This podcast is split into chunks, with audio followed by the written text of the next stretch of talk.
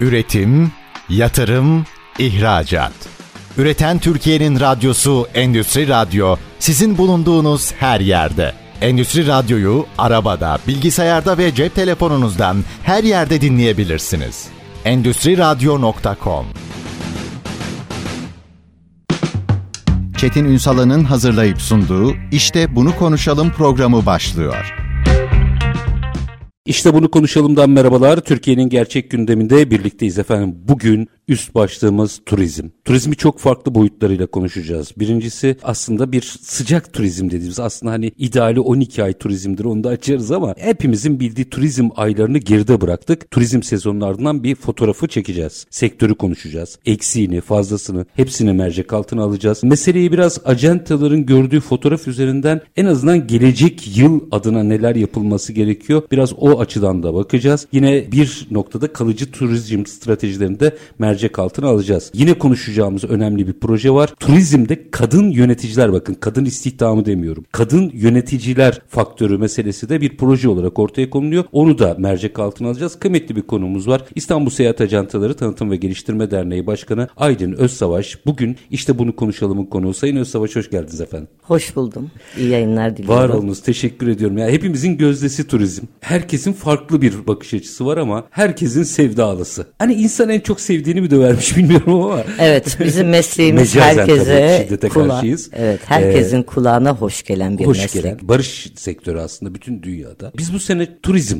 konuştuk. Hep turizm gelirlerinden bahsettik. Bunu bir yerde açmanızı rica edeceğim. Turizmde çok fazla gelecek kişi rekabetine giriyoruz. Bunu ben çok anlamlı bulmuyorum ama onu açarsa açarız, konuşuruz. Biz nasıl bir kere sezon nasıl tamamladık buradan başlayalım. Evet öncelikle biz bu yıla tabii çok büyük beklentilerle girdik. Sektör çok büyük beklentilerle girdi. Bakanlık bile 2023 için öngördüğü hedefini sonra revize etti. Önce bir 75 milyon turist ve 65 milyar dolar turizm geliri hedef koymuştu. Ama sonra 60 milyon turist ve 56 Milyar milyar dolar gelir olarak revize etti. Tabii bunun sebebi pandemiden çıkış da işte bu daralan ve sıkışan talebin 2022 yılında çok güzel yaşanıyor olması oldu. Çok ciddi bir ivme kazandık. 2022 iyi geçti galiba. 2022 pandemiden sonra tabii. ki çok iyi geçti ve herkes 2023 yılında çok ciddi bir artış bekledi ve bu aslında turizmcileri de yanılttı. Şimdi bütçeleri yaparken işte bu beklentiyle ortaya çıkınca şu anda yaşadığımız tablonun biraz tersini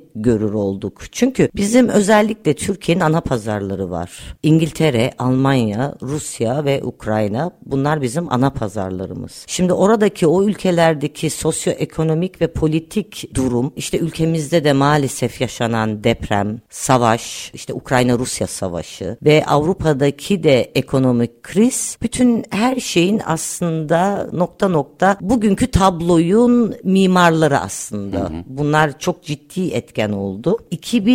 2002 yılına nazaran şu anda her ne kadar bir artış görüyor 2002 olsak mi 2022 mi? 2022 özür dilerim. Estağfurullah. 2022 yılına oranla ne kadar da artış gözüküyor olsa da bu yıl turizmciler artan maliyetleri açısından istedikleri geliri elde edemediler. Hatta tam tersi inanın öyle noktalar yaşadık ki turist gelmesin çünkü zarar ediyoruz. Ha, harcama yapmayalım. Evet çünkü bakın turizm çok e, bizim yaptığımız sektörde işlerde planlamalarda bir yıl öncesinden yapıyorsunuz planlamaları. Bütçeleri bir yıl öncesinden oluşturuyorsunuz. Bir ürünün fiyatını son dakika oluşturma şansınız yok. Çünkü yurt dışındaki işte global pazarda ürünlerimizi tur operatörlerine biz çok öncesinden veriyoruz. Ve En bütün geç mal- Mart'ta bitmiş oluyor galiba her şey neredeyse. e, Büyük çoğunluğu. Tabii last minute da var. Yok değil. Birçok meslektaşımız onu da yapıyor. İşte mesela otellerde de bunu yaşadı. Farkındaysanız önce çok yüksek fiyatlardı. Sonra bir baktınız fiyatlar düşmeye başladı. Ama artık konaklayacak müşteri bulamaz Tabii. oldular. Tabii ki bu sene yaşadığımız enflasyon e, ve dövizin karşısındaki bu ters orantı bize olumsuz etkiledi. Ama dediğim gibi yani biz turizmciler yılmıyoruz. Biz her zaman bir şekilde bir çıkış noktası kendimize yaratmayı biliyoruz. Biliyoruz ve hep önümüze bakmaya çalışıyoruz. Bu yılı bu şekilde atlatıyoruz. Şu anda sayısal olarak baktığımızda geçen sene işte toplam 44 milyon turist geldiyse şu anda Ağustos'un e, sonu itibariyle 33 milyon 426 bin turist gelmiş en oldu. sene sonuna kadar Evet bunlar tabii ki kağıt üstündeki veriler ama şimdi artık bizim biz hep işte bu sayıları konuşuyoruz. Ben özellikle bu sayıları vurgulamak istedim. Çünkü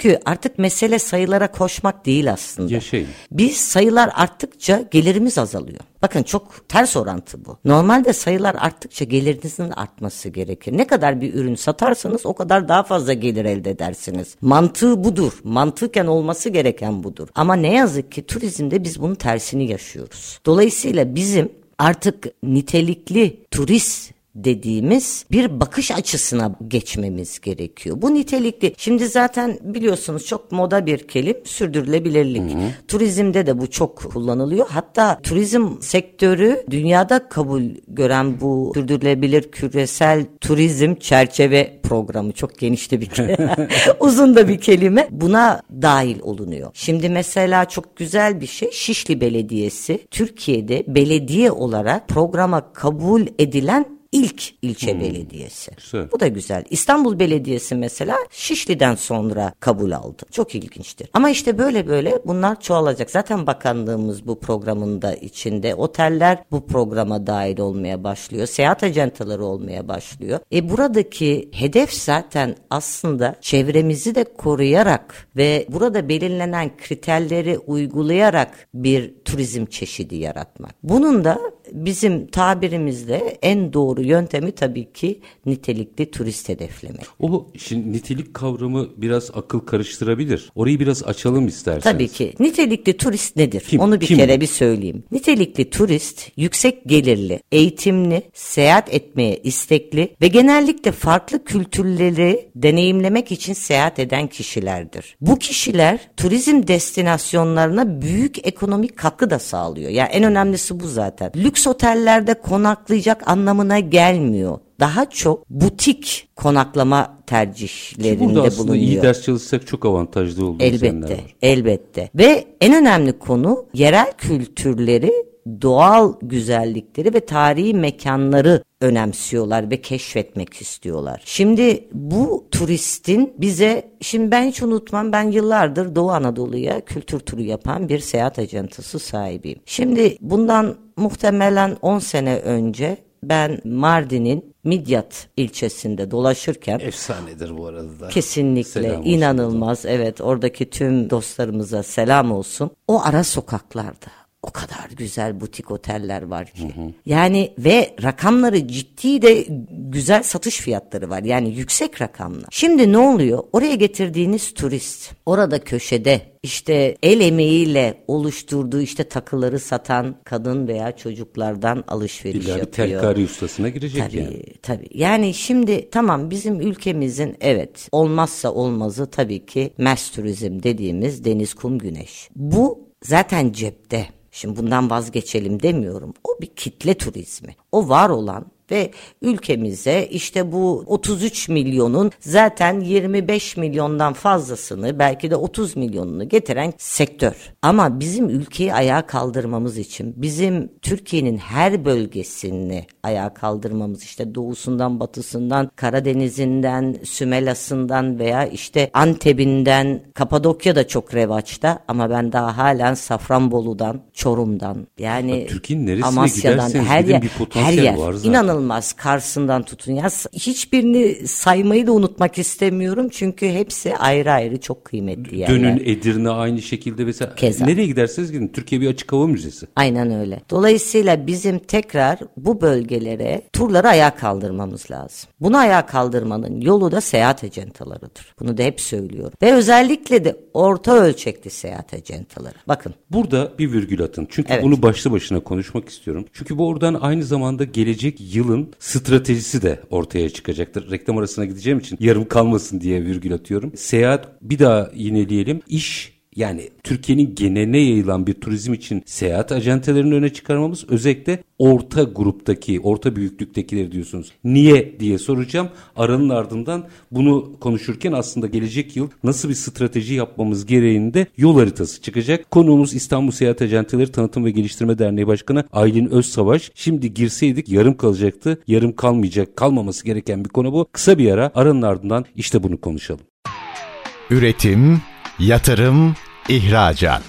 Üreten Türkiye'nin radyosu Endüstri Radyo sizin bulunduğunuz her yerde. Endüstri Radyo'yu arabada, bilgisayarda ve cep telefonunuzdan her yerde dinleyebilirsiniz. Endüstri Radyo.com Kısa bir aranın ardından işte bunu konuşalım demeye devam ediyoruz. Konumuz turizm, konuğumuz İstanbul Seyahat Acenteleri Tanıtım ve Geliştirme Derneği Başkanı Aylin Özsavaş. Tam virgül atarken dedik ki eğer turizmi ülke geneline yaymak ve nitelikli turisti ülkeye çekmek istiyorsak acenteleri desteklemeliyiz. Özellikle orta grup acenteleri. Niye diye sormayacağım bile çünkü sahada olan sizsiniz. O zaman yani çünkü müşteriyle siz içli dışlısınız. Siz derken sizin meslek grubunuzu bahsediyorum. O zaman mesela gelecek sene ne yapmalıyız diye sorusunun yanıtına da buradan bir yol haritasıyla çıkalım. Niye acenteleri önüne almalıyız? Buradan başlayalım. Evet bence de niye diye soralım. Hı hı. Kesinlikle soralım. Çünkü inanın nitelikli turistlerin kapısı seyahat ajantaları. Hiçbir şekilde tartışmaya açmayı bile inanın kabul edemiyorum. Çünkü bizler sahadayız. Bizler bu turistlerin beklentilerini ve taleplerini en iyi şekilde anlayarak onların özgün deneyimler yaşamalarını sağlayan kişileriz. Bizler nitelikli turistlerin destinasyonlarda daha fazla harcama yapmasını sağlarız seyahat ajantaları turistlerin direkt yerel ekonomiye katkısını arttırıyor. Ve aynı zamanda bizler turist akışını da dengeliyoruz. Ve destinasyonlardaki yoğunluğa göre programlarımızı hmm. oluşturuyoruz. Bu da çok önemli bir şey. Bu bağlamda bizler seyahat ajantaları işin pazarlama ayağıdır. Bizler olmadan tanıtımdan bahsedemeyiz. Bizim de zaten bütün çığlığımız bu. Artı satış da öyle. Yani bir satış ve şöyle diyeyim teşbitte hata olmazmış. Bir hazır giyim mağazası, dev bir mağaza düşünün. Oradaki sahadaki satış personelini dinlemeden müşteriyi anlayamazsınız. Bizim turizmde de durumumuz bu. Orayı dinlemiyor ve yönetim katında kendi kendimize diyoruz ki bu sene şu strateji yapalım. Oysa veri aşağıda. Kesinlikle, kesinlikle. Seyahat ajantaları olmadan, pazarlamadan ve bana göre de tanıtımdan bahsetmemiz mümkün değil. Ne yaparsak doğru yapmış oluruz? Hadi yol haritası oluşturalım. Şimdi öncelikle biliyorsunuz Türkiye'de TGA hı hı. kuruldu. TGA doğru bir yöntem ama şu anda halen daha istediğimiz ölçüde işlev görmüyoruz biz TGA'dan. Çünkü TGA'da şu anda inanın TÜRSAB'ı temsilen sadece bir kişi var. Otelleri temsilen, yani. otelleri temsilen sayısını söylemeyeyim. Sayısını söylemeyeyim. Orada, Açıp baksınlar. Şimdi, vaka bir, oradaki acentelerin dinlenme sayısını mı arttırmamız gerekiyor? Kesinlikle. Bir kere öncelikle TGA yapısında daha fazla TÜRSAB'dan hatta bakın çıtayı yükseltiyorum. Buyurun işte biz bir STK'yız. Hı hı. Seyahat ajantalarından oluşan bir STK'yız. Bizden de alsınlar. TÜRSAP'tan da alsınlar. Diğer bizim başka turizm STK'larımızdan da var. Veya direkt TÜRSAP'tan alsınlar ama bir tane değil. Bir taneyle olmaz bu iş. Bu şekilde olmuyor. Çünkü tanıtımda eksik kalıyoruz. Bir şu anda bakıyorum, izliyorum. Evet güzel projelerde yürütüyorlar ama seyahat acentaları yok işin içinde. Şimdi yurt dışındaki birçok sektör temsilcisi bana işte şahsen tanıdıklarım bana aynı zamanda söylüyor diyor ki biz diyor tamam işte görüyoruz tanıtımlarda işte Mardin'in bu bölgesine veya Doğu Anadolu turu ama bizi o bölgeleri gerçekleştiren seyahat acentalarla bir araya getirmenin yani bizim o B2B workshop dediğimiz çalışmaların eksikliğinden bahsediyorlar. Şimdi bakanlığımızla bu konunun tekrar ciddi ele alınması lazım. Fuarlar, fuarlar var en basit. Turizm fuarları yurt dışı var. Fuarlardan yurt dışı fuarları evet. Ama üzülerek söylemeliyim ki yurt dışındaki fuarlarda seyahat acentaları eskiden olduğu kadar sayıda yok. Neden biliyor musunuz? Bilmiyorum. Katılım paylarının çok yüksek olmasından hmm. dolayı. Maddi güçleri. Maddi yetmiyor. güçten dolayı tabii ki pandemi gibi bir dönem geçirdik. iki yıl seyahat acentasını kasasını bir kuruş para girmedi. Şimdi pandemiden çıkıldı. Orta ölçekli acenta kelimesini niye kullanıyorum biliyor musunuz? Çünkü bu orta ölçekli acentalar her biri atıyorum yılda 30-40 tane grup yapar. Çok bunlar mas turizm yapan seyahat acentaları değildir. Ama inanın işte Doğu Anadolu'ya otur yapan genellikle bu acentalardır. Hmm. Ve pandemiden sonra oluşan bu maddi sıkıntıda tabii ki yurt dışı fuarlarındaki katılım payları ki biz ihracatçı statüsünde de sayılmıyoruz ne yazık ki. Aslında hizmet ihracatı yapıyorsunuz.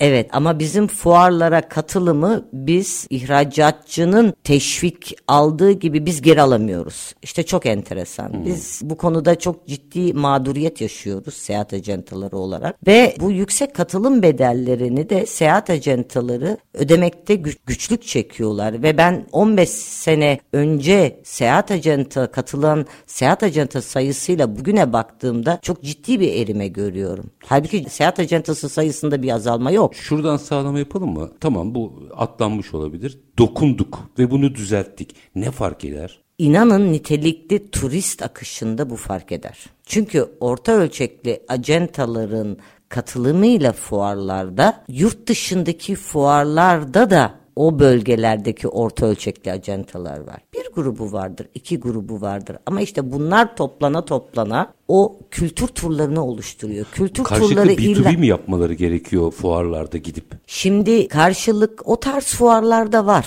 Hı. Onların da güzel yanı var. Önemli olan ama Türkiye'deki seyahat ajantasının o fuara katılabilme teşviğini elde etmesi. Bir, basit bir misal vereyim. Lütfen. İspanya'daki bölgelerden biri mesela yerel bir bölge biliyorsunuz orası bölgelere Hı. dağılmıştır. Endülüs bölgesine hakim olan tarafta 30-40 tane seyahat ajantasına ücretsiz masa veriyorlar. Ki çok katma değerli bir alan orası satıldığında. Evet, evet. Evet çok enteresan buluyorum. Bizdeki rakamları ben hiç dile bile getirmeyeyim şu anda. Peki zor mu? Bunu bir düzenlemeyle halledilebilecek bir şey sanıyorum bu. Biz Türkiye Cumhuriyeti olarak çok güçlü bir devletiz. Yani Aslında yapılabiliyor olması mevzuatta lazım. bir düzenlemeyle. Bakın, tabii şimdi elbette. Ben şöyle bir şey söyleyeyim. Bakın TGA yapısı kurulmadan önce yurt dışındaki fuarlara daha az katılım bedeli ödüyorduk. Hmm.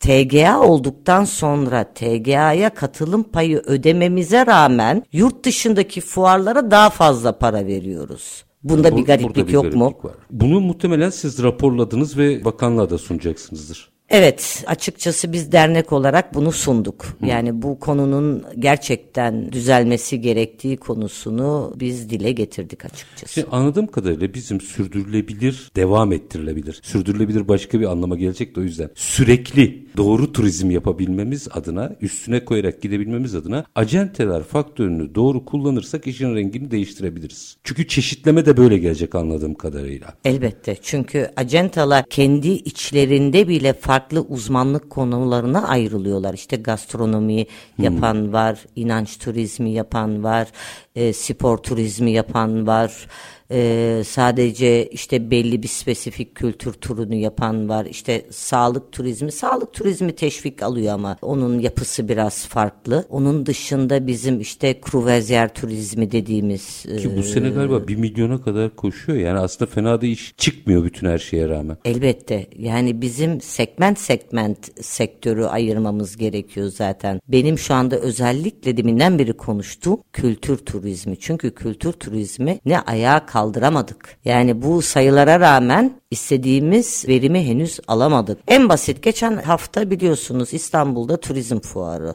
hı hı. olmuştu. Turizm fuarında bizim de İSATAK olarak standımız vardı. Katıldık oraya ve benim çok uzun yıllardır tanıdığım Alman seyahat ajantaları başkanı da panelist olarak davetliydi. Daha sonrasında bir ayaküstü sohbet ettik kendisiyle. Ben zaten ana dil gibi Almanca bildiğimden dolayı çok rahat iletişim kurabiliyorum.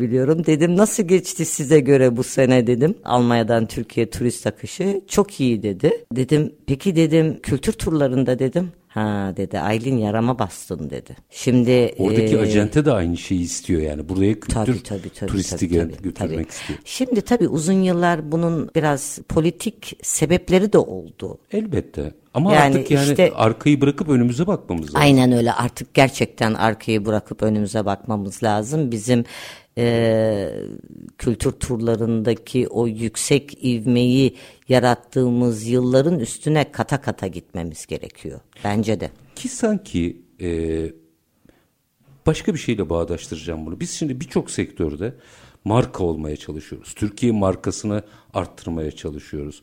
Katma değer yani ürünümüzün üstüne katma değer yaratmaya çalışıyoruz. Aslında kültür turizmi ve burada elde edilecek imaj bizim burada hızlı koşmamızı sağlayacak en büyük enstrüman değil mi? Kesinlikle. Kesinlikle. Meseleye belki biraz da bu açıdan yani salt turizm değil de turizmin o domino etkisini de galiba konuşarak başlamamız gerekiyor. Evet. Bizim daha çok çalışmamız gerekiyor bence de. Şöyle diyelim şimdi Türkiye'nin yani Anadolu'nun da muadili yok şimdi nereyle mukayese ettireyim bilemedim. İspanya ile ettireyim. Yunanistan da çok eski bir tarihi var ama hani Endülüs Mendülüs İspanyollar çok daha daha satılabilir bir kültür e, birikimi var. Ki keza Yunanistan'da da var da çap tam oturmadı. Mesela onlar ne yapıyorlar? Şimdi onlar e, işte sürdürülebilir turizm kavramı çerçevesinde onlar sayıları koşmaya bırakıyorlar. Onlar şu anda başlattı. İspanya, İtalya bunlar başlattılar. Şu anda artık şöyle diyeyim size istedikleri parayı 30 milyondan değil 10 milyondan 10 milyon kişiden kazanmak sağlamak istiyorlar. çünkü karbon Mesele sıfır o vesaire tabii gibi tabii. bir sürü faktör Artık giriyor. çünkü çevremiz de tükenmez bir çevre değil ki. Biz her şeyi tüketiyoruz. Bu şekilde bizim daha sürdürülebilir, gerçekten sürdürülebilir olabilmesi için bizim artık sayılarla değil, o yüzden hep nitelik kelimesini kullanıyoruz. Ciro ve karlılıkla konuşuyor olmamız Aynen lazım. öyle kişi başı gelirle konuşmamız Barcelona lazım. galiba açıklama yapmıştı. Gelmeyin artık Gelmeyin, diye. tabii. Ama gelmeyin deyip işin içinden çıkmadı. Fiyatları yükseltti. Kapalı gişe oynuyorum artık dedi. Evet. Benzer bir yaklaşıma bizim de gelmemiz gerekiyor. Ama bizim de bakın şöyle. Şimdi şöyle düşünülmesin. Bu sene fiyatlar çok yüksekti ya. Türkler için bile çok yüksekti. Aslında bunun sebebi baştan beri yüksek oluşu değil. Şimdi tur operatörleri işte o mas kitle turizminde ilk etapta doldurabilmek için global çerçevedeki makul fiyatlarla yerleri sattılar. Kalan yerleri de aşırı yüksek fiyatla Ha, makas piyasaya- çok açıldı. Orada Makas açıldı. vesaire bir sürü faktör evet. giriyor tabii. Olay bu. Makas çok açıldı ve dolayısıyla da ne oldu? O makası çok açtıklarından dolayı astronomik fiyatlarla bu sefer boş kalmaya başladılar geri kalan bölümde. Tabii bu sene yaşadığımız savaşta depremde bu da tuz biber oldu o ayrı bir konu. Ama artık bu makası bu kadar açmamak gerekiyor. Biraz da şimdi araya gideceğim ama bir cümle almak isterim bununla ilgili. Biraz da galiba yeni yıldan itibaren değil de mesela şu anda başlamış olmak lazım. Mart'a kadar zamanımız var aslında. Biz çoktan başladık. Başladınız Çetin mı? Bey. Harikasınız. Biz harikasınız. çok çoktan Biraz sanki başladık. biz hep bu turizm meselesi Ocak, Şubat gibi gündemimize geliyor gibi hissediyorum. Sektör mensupları veya ajantalar şu anda başlamış vaziyette zaten. Evet biz başladık. En azından içim rahatladı. 2024'ü planlamaya başladık. Umarım tabii ki her şey de bizim kontrolümüzde de olmuyor tabii Elbette. ki. Turizm böyle bir şey. Bütün dünyada böyle bir şey aslında. Hep iyilikler olsun. Temennimiz o. Evet. Şimdi minik bir araya gideceğim. Aranın ardından tabii burada bir mesele daha var. Bununla ilgili ekleyecekleriniz varsa lütfen ekleyin. Hemen ardından geldikten sonra ama şu turizmde kadın yöneticiler projesine de biraz konuşmak istiyorum. Çünkü dünyanın en barışçıl sektöründe belki de ilk halledilmesi gereken veya ilk halledebilecek sektörlerden biri turizm. O yüzden o projenin de biraz detaylarına bakmak isterim ama minik bir ara. Aranın ardından İstanbul Seyahat Acenteleri Tanıtım ve Geliştirme Derneği Başkanı Aylin Özsavaş'la işte bunu konuşalım diyeceğiz. Lütfen bizden ayrılmayın. Üretim, yatırım, ihracat. Üreten Türkiye'nin radyosu Endüstri Radyo sizin bulunduğunuz her yerde. Endüstri Radyo'yu arabada, bilgisayarda ve cep telefonunuzdan her yerde dinleyebilirsiniz. Endüstriradyo.com Kısa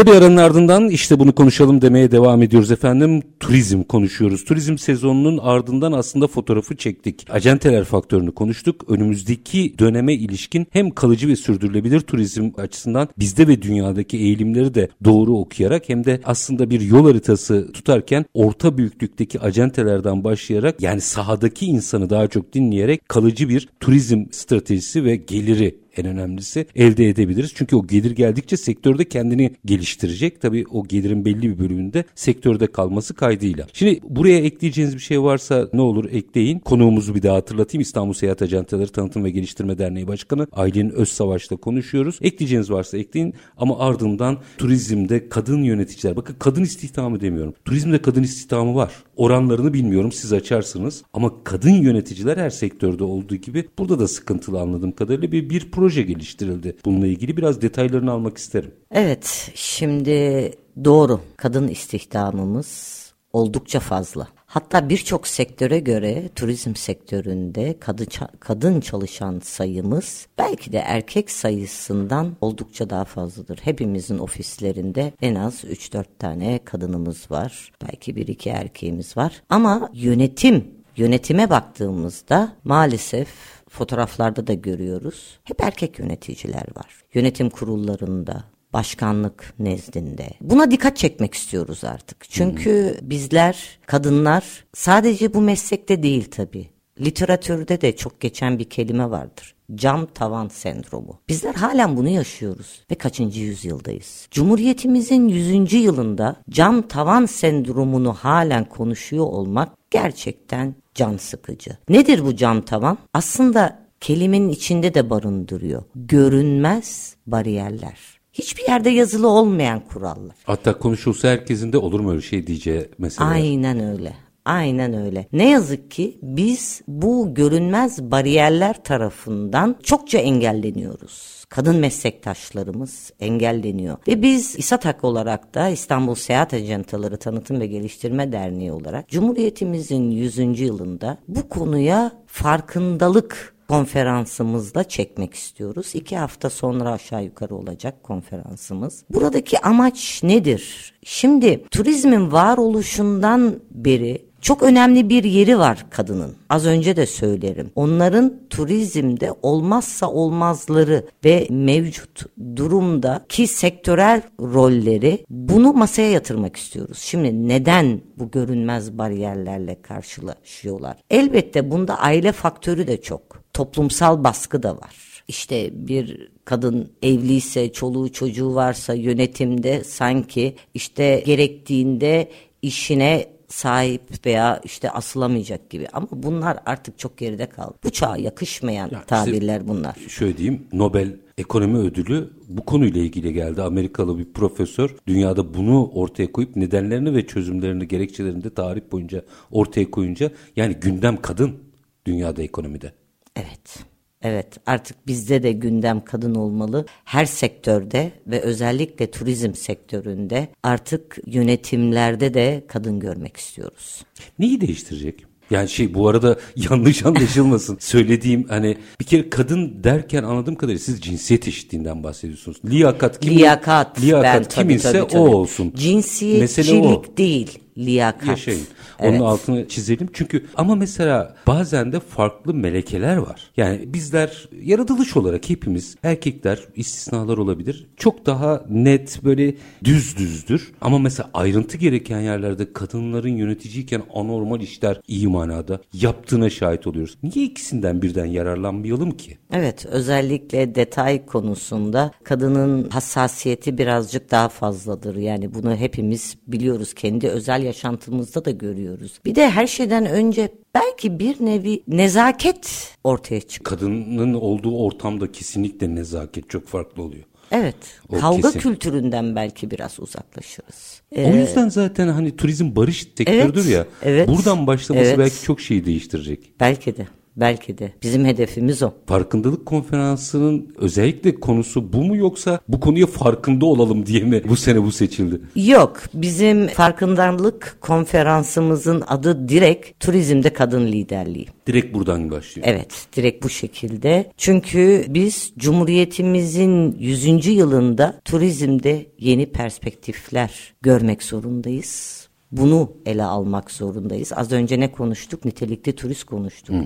Ne konuştuk? Detaya girmeyi konuştuk. İşte bunlar hepsi bir bütün olarak ele almak istiyoruz. Artık bu çağımızda bizim cinsiyet kavramlarını aslında hiç konuşmamamız gerekiyor. Bizim liyakatlı ekiplerle turizmi iyi noktaya taşımamız gerekiyor. Dünyada durum ne? Dünyada da benzer mi? Turizm Bu kadar değil. Bu kadar değil. Yani Avrupa'nın birçok ülkesinde şimdi cinsiyet konusunda bu cam tavan Türkiye'nin yarattığı bir literatürdeki bir kavram değil yok, sonuçta. Bütün dünyanın bu problemi. dünyanın problemi evet. Diyorum Ama ya, Nobel Ekonomi Ödülü bu sorun üzerine geldi. Kesinlikle. Ama dünya bunu daha veya Avrupa'daki ülkeler bunu daha seri bir şekilde çözüme kavuşturmak için adımlar atıyor diyelim. Peki ne yaparsak dengelenir? Bir de çözümü olması lazım. Yani daha doğrusu ne yapıyoruz da dengesizlik ortaya çıkıyor. Dediğinizde bazen adı konulmuyor ama fiiliyatta bir şeyler oluyor anladığım kadarıyla. Şimdi belki öncelikle sadece bunu konuşmak ya da işte ben bir şey tek başıma yapamam düşüncesini ortadan kaldırmak gerekiyor. Bu bizim derneğin de kuruluş amacı o aslında. Bizim dernek niye kuruldu? Biz seyahat acentalarıyla birbirleriyle iletişimde olsun. Bir takım sektörel sorunları masaya yatıralım. Bunun için nasıl çözüm yaratabiliriz birlikte brainstorming yapalım. Bunu yetkili birimlere sunalım. İşte gerekirse bakanlığa, gerekirse TÜRSAB'a el birliğiyle biz bir think tank kuruluşu gibi. Yaşayın. Tam aklımdan o geçiyor. Evet. Fikirler ortaya atarak işte bu da bunun bir parçası aslında. O yüzden adı farkındalık. O zaman buradan yola çıktığımızda şimdi tabii o kongreden sonra da bunu bir konuşmak lazım. Orada neler konuşuldu? Onun bugünden hani çok zor tabii orada ne konuşulacağını bilmiyoruz ama şöyle 3-4 dakikamız varken tekrar genel fotoğrafa dönmek istiyorum. Aslında anladığım kadarıyla bizim turizmde sürdürülebilir ve kalıcı bir başarı elde edebilmemiz için belli başlı sac ayaklarını halletmemiz gerekiyor. Liyakat, bakın kadın ya da erkek demedim. Liyakat, acentelerin daha doğrusu bu sadece acenteler de değil. O sokaktaki turizmle ilgilenen restoranın sahibi dahil. Sokağın birazcık daha fazla dinlenmesi, stratejileri dahil edilmesi ve tabii değerlerimizi de ön plana çıkarmak. Bu zannediyorum çok zor değil. Bunları yaparsak Türkiye'de turizmi nasıl konuşur hale geliriz? Çok güzel bir özet yaptınız. Bence 2024 ve daha sonraki yıllar için bu en azından atılması gereken bir adım. Ve daha iyi olacağına ben canı gönülden inanıyorum.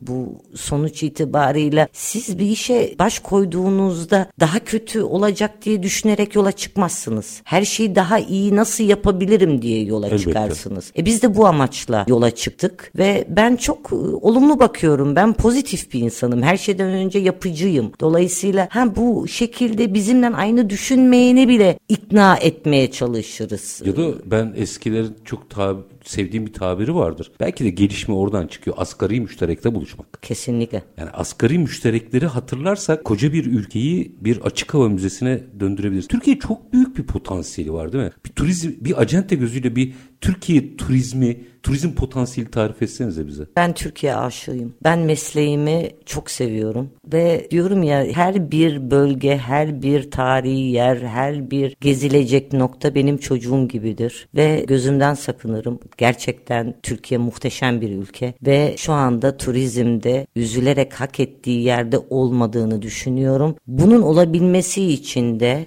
ben kendi adıma ve derneğim adına canla başla çalışmaya var gücüyle devam ediyoruz. Yüreğinize sağlık. Yine bir iki dakikada şunu konuşmak isterim. Turizm hikayedir. Hikayeniz olması lazım ki yani Anadolu'dan bahsediyoruz. Bu hikayeleri birazcık daha ortaya çıkartmak için ne yapmamız lazım bizim? Aslında ortaya çıkarıyoruz. Biz yazdığımız her programda bir hikaye yaratıyoruz zaten. Şimdi benim birçok programlarım var. Mesela UNESCO Kültürel Miras Noktaları diye veya bir rotam var adı Gürcü Ermeni Kiliseleri rota. Biz bir hikaye oluşturuyoruz inanın. Seyahat ajantaları düz böyle sadece nokta nokta yerleri yazmıyor. Onu bir hikaye, bir rota, bir gastronomisiyle birleştiriyor. Onun oradaki doğa güzellikleriyle birleştiriyor. Oradaki yerel kültürle bir pazar varsa onunla birleş. Biz hikayeyi yazıyoruz zaten inanın buna. Müthişsiniz. En rahat sezonunuz neresi? Hangi aylar sizin? Şimdi kültür turları için bizim Mart ayında ve genelde işte Nisan'da yükselişe geçer. Mart Nisan'da başlarız. Temmuz ortası genellikle biter. Bu bölgeye de bağlı tabii işte mesela Karadeniz'i Haziran'ın sonunda Temmuz'un başında yapabiliyoruz. Sonra Av- Temmuz Ağustos benim açımdan kültür turları açısından bizim tatilimiz bir şey yapmayız. Ondan sonra tekrar Eylül'de çalışmaya başlarız. Ama diyorum ya şimdi deniz kum güneş yapan tam Acenta var, tersi tabii. evet onlar da o aylarda çok yoğundur. Bizim segment segmenttir. Yani bizim bütün seyahat acentaları aynı işi yapmaz. Acentelerin o zaman fotoğrafına baktığımızda aslında 12 aya yayılmış turizm var. Tabii ki. Bizi içimizde varız. Biz o şekilde varız. Yeter ki bizim tekrar Doğu Anadolu'yu ayağa kaldıracak teşviğe ihtiyacımız var. Ki orada aslında çok büyük bir potansiyel var. Sadece Mezopotamya bile sanıyorum Paris'i çırak çıkarabilir amiyane tabirle. Kesinlikle. Müthiş bir şey. Yani ben Mardin'de o havuzların hikayesini anlatmışlardı. Bana dikkatimi çekti bütün havuzların şekli. Oradaki yaşam döngüsü ve o ovaya akış dedim ki felsefe bu. Çok ciddi bir kadim kültür var bizim Anadolu topraklarında. Birazcık daha çok anlatmamız gerekiyor sanki. Belki de işte bunu ama işte seyahat ajantaları katıldıkları fuarlarda anlatacaklar. Veya seyahat ajantaları yurt dışındaki TGA'nın desteğiyle yapılacak workshop, B2B workshoplarda anlatacak. TÜRSAP zaten anlatıyor ama TGA yapısıyla da seyahat ajantalarını birleştirmek gerekiyor. Bir acenteler çalıştayına da ihtiyaç var sanki ne dersiniz? Elbette hep birlikte. Yani sanki mesela her yıl yapılsa ve her yıl herkes gördüğünü böyle damıtarak rapor halinde bakın bu sene durum bu diye ortaya koysa bence çok şey fark ettirebilir. Çok yorumsuz kaldı. Demek ki böyle bir çalışma varmış. Çok yorumsuz kalındığına göre. Sayın Özsavaş çok çok teşekkür ediyorum. Yani ben e, turizm konuşmaya bıkmam. Çünkü Türkiye'nin bence işte tarım gibi e, belli başlı sektörler var daha doğrusu. Şimdi birini sayıp diğerini e, unutursam kimse alınır diye ama bunlardan birini sayacaksak turizmdir. Türkiye'nin tarihini ve kaderini değiştirecek sektörlerden biri olduğunu düşünüyorum. O yüzden bıkmam ama bugün geldiniz bize çok böyle can alıcı noktalarda hem sorunu hem fotoğrafı hem çözümü anlattınız. İstanbul Seyahat Acenteleri Tanıtım ve Geliştirme Derneği Başkanı Aylin Özsavaş çok çok teşekkür ediyorum. Ben çok teşekkür ediyorum. Harika bir ortamda çok güzel bir sohbet oldu. Var olunuz Çok efendim. Bizim için de öyleydi. Evet biz bugün turizm sektörünü e, mercek altına aldık. Biraz farklı farklı boyutlarıyla da açtık. Biraz acenteler daha doğrusu sahadakinin gözünden meseleyi okuduk. Anladık ki sahadakinin daha çok sahaya çıkması gerekiyor. Pazara değil tanıtıma çıkması gerekiyor. Orada e, bir takım aksaklıklar olduğunda Sayın Özsavaş çok net ortaya koydu. E, halledilemeyecek problemler değil. E, çok rahat hallettiğimizde belki orada nitelikli turist olarak telendirilen kesimi daha çok Türkiye'ye çekebilme e, anahtarımız belli. Acenteler e, veya e, bir takım şeyleri konuşurken o otellerimiz 5 yıldızlı ve çok iyi destinasyonumuz var. Ama bir turizmci bana şunu söylemişti. Belki oradan başlamak gerekiyor. Otelden dışarı çıktığında sokak kaç yıldız? İşte onun cevabını acentelerden alabilirsiniz. Biz her zamanki gibi bitirelim efendim. İşinizi konuşun, işinizle konuşun. Sonra gelin işte bunu konuşalım. Hoşçakalın efendim.